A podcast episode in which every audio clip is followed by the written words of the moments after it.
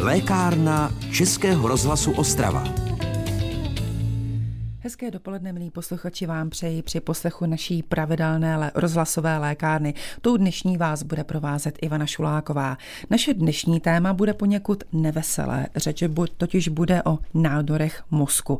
I takové závažné stavy ale řeší lékaři v nemocnicích. Stejně jako náš dnešní host, pan doktor Štefan Reguli, neurochirurg a koordinátor Neurologicko-onkologického centra fakultní nemocnice v Ostravě. Vítejte u nás. Dobrý den. Dobrý den, děkuji za pozvání.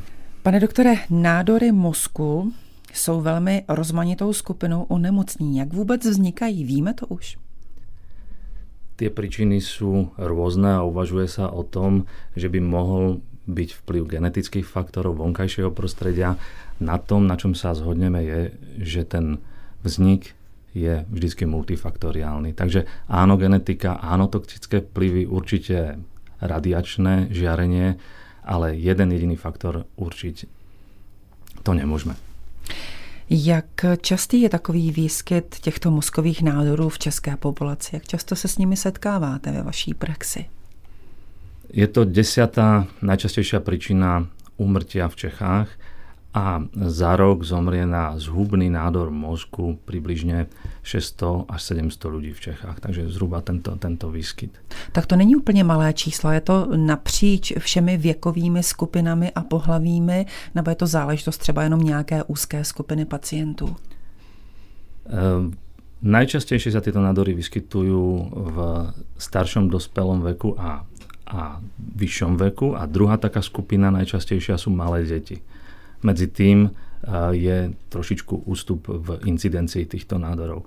Obecne na celom svete, keď sa používajú štatistiky, tak sa hovorí, že za rok na svete zomrie približne 300 tisíc ľudí na mozkový nádor, čo je zhruba paralela s obyvateľstvom Ostravy, takže to dobre pamätá. Takže je to zhruba takýto výskyt. Když byste měl tento výskyt srovnat třeba v nějakém časovém souhrnu, je takových případů víc, anebo jich naopak ubývá? Určite to narastá. Diskutuje sa o tom, či to súvisí s tým, že máme lepšie vyšetrovacie metódy, že máme podrobnejšie zobrazovacie metódy a i to môže byť trošku vplyv toho, že pacienti, ktorí predtým sa liečili na onkologické ochorenie, sa napríklad mozgových metastáz vôbec nedožili. V dnešnej dobe, keď už tá liečba je pokročilejšia, tak výskyt mozgových nádorov jednoznačne stúpa. Když tedy mluvíme o mozkových nádorech, tak je třeba si asi říci, že jsou různé typy takových nádorů. Určite. A to ako podľa pôvodu, či sú primárne, či vznikajú z buniek mozku, či mozkových obalov, tak sekundárne, ktoré sú v podstate vzdialenými metastatickými ložiskami pri základnom onkologickom ochorení. Mozkové metastázy sú v podstate najčastejším typom mozkového nádoru. A druhým najčastejším sú tzv. gliomy, ktoré vznikajú z podporných mozkových buniek. Tieto môžu byť nezhubné aj zhubné, byť väčšinou sú zhubné varianty. Existujú aj mozgové nádory, ktoré sú eh, vo valnej väčšine nezhubné, rastú veľmi pomaly a aj keď do, dosiahnu veľkej veľkosti, eh, môžu sa odoperovať s veľmi dobrým efektom a toho pacienta môžeme uzdraviť. To sú napríklad meningeomy. Když se bavíme o nebezpečnosti mozkových nádorů, tak možná laicky by se dalo soudit, že eh, zhoubné v tom máme celé jasno. Eh, ty nebezpečné jsou nezhoubné teoreticky, by tolik nebezpečné být neměly, ale u toho mozku je to přece jenom trochu jinak, vidíte. Ten mozog je špecifický v mnohých veciach. Eh, jedna z nich je, že je mozog uzavretý v lepke. Je to schránka, ktorá sa nevie rozšíriť a každé zväčšenie objemu zvyšuje vnútrolebečný tlak. Ľudia, u ktorých narastá nádor väčšou rýchlosťou, majú príznaky vnútrolebečnej hypertenzie, bolí hlava, zvracajú a ten stav sa môže veľmi rýchlo zhoršiť. Takže tam sa nemáme kde pohnúť, nie je to rozťažiteľné. Preto z toho vlastne vyplýva i riziko zhoršenia u rýchlo rastúcich nádorov. Naopak pomaly rastúce nádory tieto známky vyvolávať nebudú a môžu dosiahnuť výrazných veľkých rozmerov, veľkosti až tenisovej loptičky a podobne, ako napríklad niektoré objemné meningeomy bez toho, aby svojmu nositeľovi spôsobili nejaký väčší, závažnejší problém. Tie príznaky sú plíživé a môžu sa tieto nádory objaviť až pri takejto veľkosti. Znamená to, že třeba i takový typ nádoru, který roste pomalu a neohrožuje přímo toho pacienta, eh, takzvaně necháváte být a neřešíte je chirurgicky? Veľmi záleží od toho, v akej lokalizácii sa tento nádor nachádza, ako klinicky vyzerá pacient, aký má vek, aké má neurologické príznaky a o aký typ nádoru podľa magnetickej rezonancie si myslíme, že sa jedná. Tých faktorov je viac, vždy sa rozhodujeme na základe nejakých charakteristik pacienta a charakteristik nádoru. My se k detailům dostaneme hned po písničce. Já jenom připomenu, že dnešním tématem lékárny Českého rozhlasu Ostrava jsou nádorová onemocnění mozku. A naším hostem je pan doktor Štefan Reguli, neurochirurg z fakultní nemocnice v Ostravě. I vy se ho můžete zeptat na cokoliv, co s dnešním tématem souvisí. Hned po písničce můžete telefonovat na číslo 59 611 22 66. Posloucháte lékárnu Českého rozhlasu Ostrava. Naším čtvrtečním dopoledním hostem je tentokrát pan doktor Štefan Reguli, neurochirurg z fakultní nemocnice v Ostravě. K mikrofonu jsem ho pozvala, abych s ním probrala nádorová onemocnění mozku. I vám odpoví na případné otázky, pokud k nám zatelefonujete na číslo 59 611 22 66. Pane doktore, už jsme probrali, jaké typy nádorů mozku se objevují v praxi. Už jste zmínil i některé příznaky. Řekněte mi, jaké symptomy na sobě může člověk pozorovat, nebo na ně může pozorovat lékař, eh, u něhož má podezření, že má nádor mozku. Úplne najčastejším príznakom mozgových nádorov je bolesť hlavy a pomerne častým príznakom je epileptický záchvat. Každý epileptický záchvat u mladého človeka vždycky budí porozrenie, že by sa mohlo jednať o nejaký druh napríklad nízkostupňového gliomu. Potom sú špecifické neurologické príznaky v závislosti od lokalizácie nádoru, ktoré môžu byť motorické, napríklad oslabenie sily končatín, tam je typická tzv. hemiparéza, čiže oslabenie polovice tela ľavej alebo pravej. Môžu, môže byť zhoršenie reči, ale to sú všetko alarmujúce príznaky, ktoré človeka privedú do nemocnice v podstate veľmi rýchlo. Ale sú príznaky plíživé, zhoršenie orientácie v priestore, horšenie pamäte a podobne. A potom niektoré špecifické príznaky niektorých nádorov, napríklad zhoršovanie sluchu pri švanomoch sluchového nervu, alebo hormonálne zmeny pri nádoroch, ktoré sú v oblasti sedla, eh, nádoroch hypofízy alebo podvesku, podviežku mozkového. To sú vlastne nádory, ktoré môžu byť hormonálne funkčné a tie majú zase úplně jiné špecifické příznaky. Chápu to dobře, že tyto příznaky souvisí s tím, kterou část mozku vlastně ten nádor utlačuje nebo kde zrovna roste? Presne tak, tak ako sú veľmi rozmanité funkcie e, mozgu, tak nádor, ktorý v tej danej oblasti sa vyskytne, může tuto funkci narušit a vyvolat specifické příznaky. Vy když jste říkal, že jedním z nejčastějších příznaků nádoru v mozku jsou bolesti hlavy, tak to možná teď vyplašilo celou řadu našich posluchačů, protože já mám pocit, že zrovna bolest hlavy je něco, co provází asi každého člověka eh, minimálně několikrát za život, některé pravidelně. Tak jak rozlišit tu bolest hlavy, která je taková ta obyčejná a která už může být příznakem tak závažného onemocnění, jako je nádor na mozku. Mhm. Bolesť hlavy sa cituje v literatúre ako častý príznak mozgového nádoru v prípade, že sa to hodnotí spätne. To znamená, že máme pacienta s mozgovým nádorom a zistuje sa, aké mal príznaky, tak najčastejšie sa tam cituje bolesť hlavy. Ale naopak, ak by sme si zobrali, ktorý príznak privedie toho pacienta k lekárovi na vyšetrenie, tak najčastejšie je to epileptický záchvat a oslabenie končatín alebo zhoršenie reči. To sú najčastejšie príznaky. Bolesť hlavy je tak nešpecifický príznak, ktorý môže vyvolať toľko vecí, že určite nie každé hlavy bolenie vyžaduje okamžite beh na akutnú neurologickú ambulanciu a robenie CT alebo magnetické rezonancie.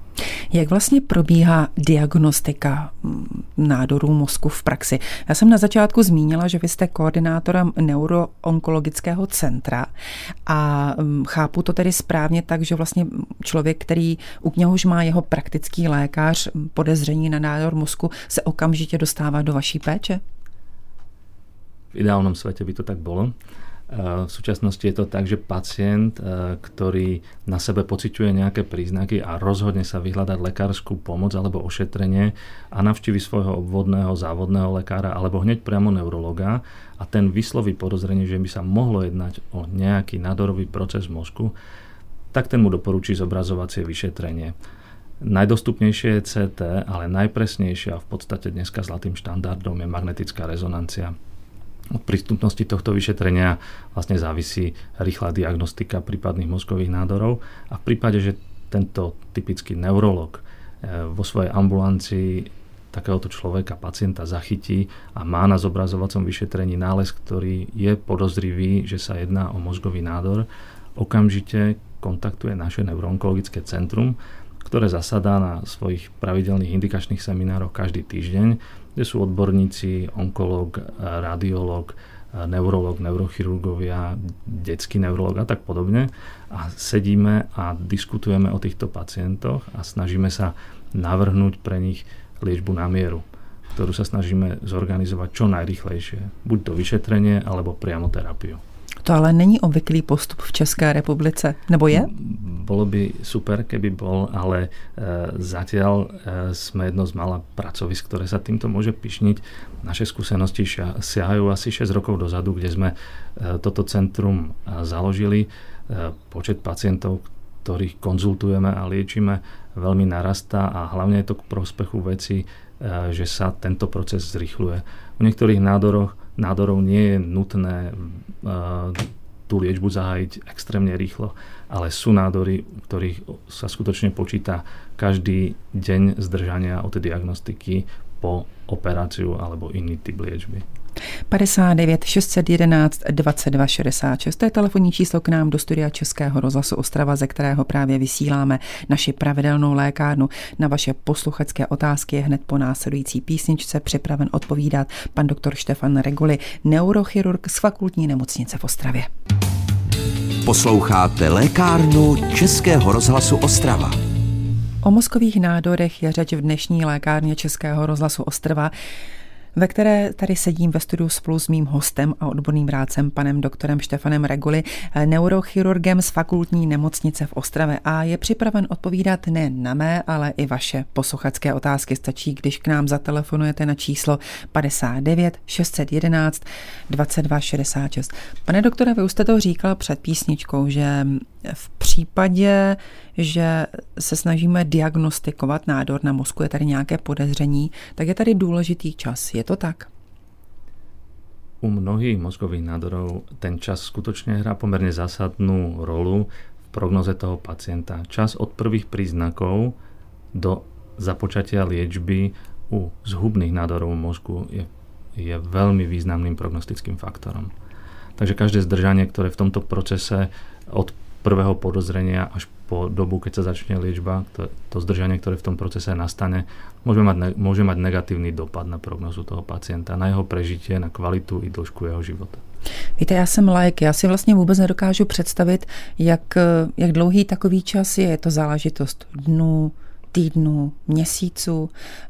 Dejme tomu, že máme, máte pacienta, u kterého je podezření na zhoubný nádor, tak v ideálním případě, jak dlouho by celý ten proces až k tomu kroku, kdy nastane nějaká léčba, měl trvat? Keď sa budeme baviť o najzubnejších primárnych nádorov mozgu, ktoré bohužiaľ nie sú vôbec riedkavé, naopak sú to najčastejšie primárne nádory mozgu, zhubné gliomy, tzv. glioblastomy, prežívanie u týchto pacientov sa odhaduje v niektorých prípadoch na rok, rok a pol pri úplne plnej liečbe, vrátane operácie, vrátane chemoterapie, radioterapie. V prípade, že tento nádor je diagnostikovaný včasne, podarí sa radikálne, graficky radikálne, čiže to, čo vidíme, e, odstrániť a hneď sa nasadí ďalšia liečba, tento pacient má lepšiu prognozu. V prípade, že nastáva zdržanie, ten nádor e, progresívne rastie, tak e, tá prognoza je výrazne horšia. Čiže tam sa počíta skutočne každý deň a zdržanie, ktoré by trvalo napríklad mesiac e, a vyžadovalo si to čakanie na magnetickú rezonanciu, môže byť pre toho pacienta fatálne. My se k léčbě ještě dostaneme. Teď vás poprosím, jestli bychom dali prostor našemu posluchači, který se k nám dovolal. Dobrý den, jste ve vysílání naší rozhlasové lékárny. Kdo pak volá? Dobrý den, tady je posluchačka z Frýdecka. Já bych se chtěla zeptat, má vliv krční páteř na bolest hlavy? Často říkají, je, tebe bolí hlava, asi máš něco z krční páteři. Je to pravda? Děkuji za odpověď. Děkujeme za zavolání. Dobrý den, skutočne je to jedna z možných príčin, jedna z mnohých možných príčin bolesti hlavy a tzv. cervikalgie alebo cervikokraniálny syndrom bolesti hlavy, ktoré vychádzajú z krčnej chrbtice, sú pomerne častou príčinou bolesti hlavy nezúbného charakteru. Takže áno, um, je to možnosť.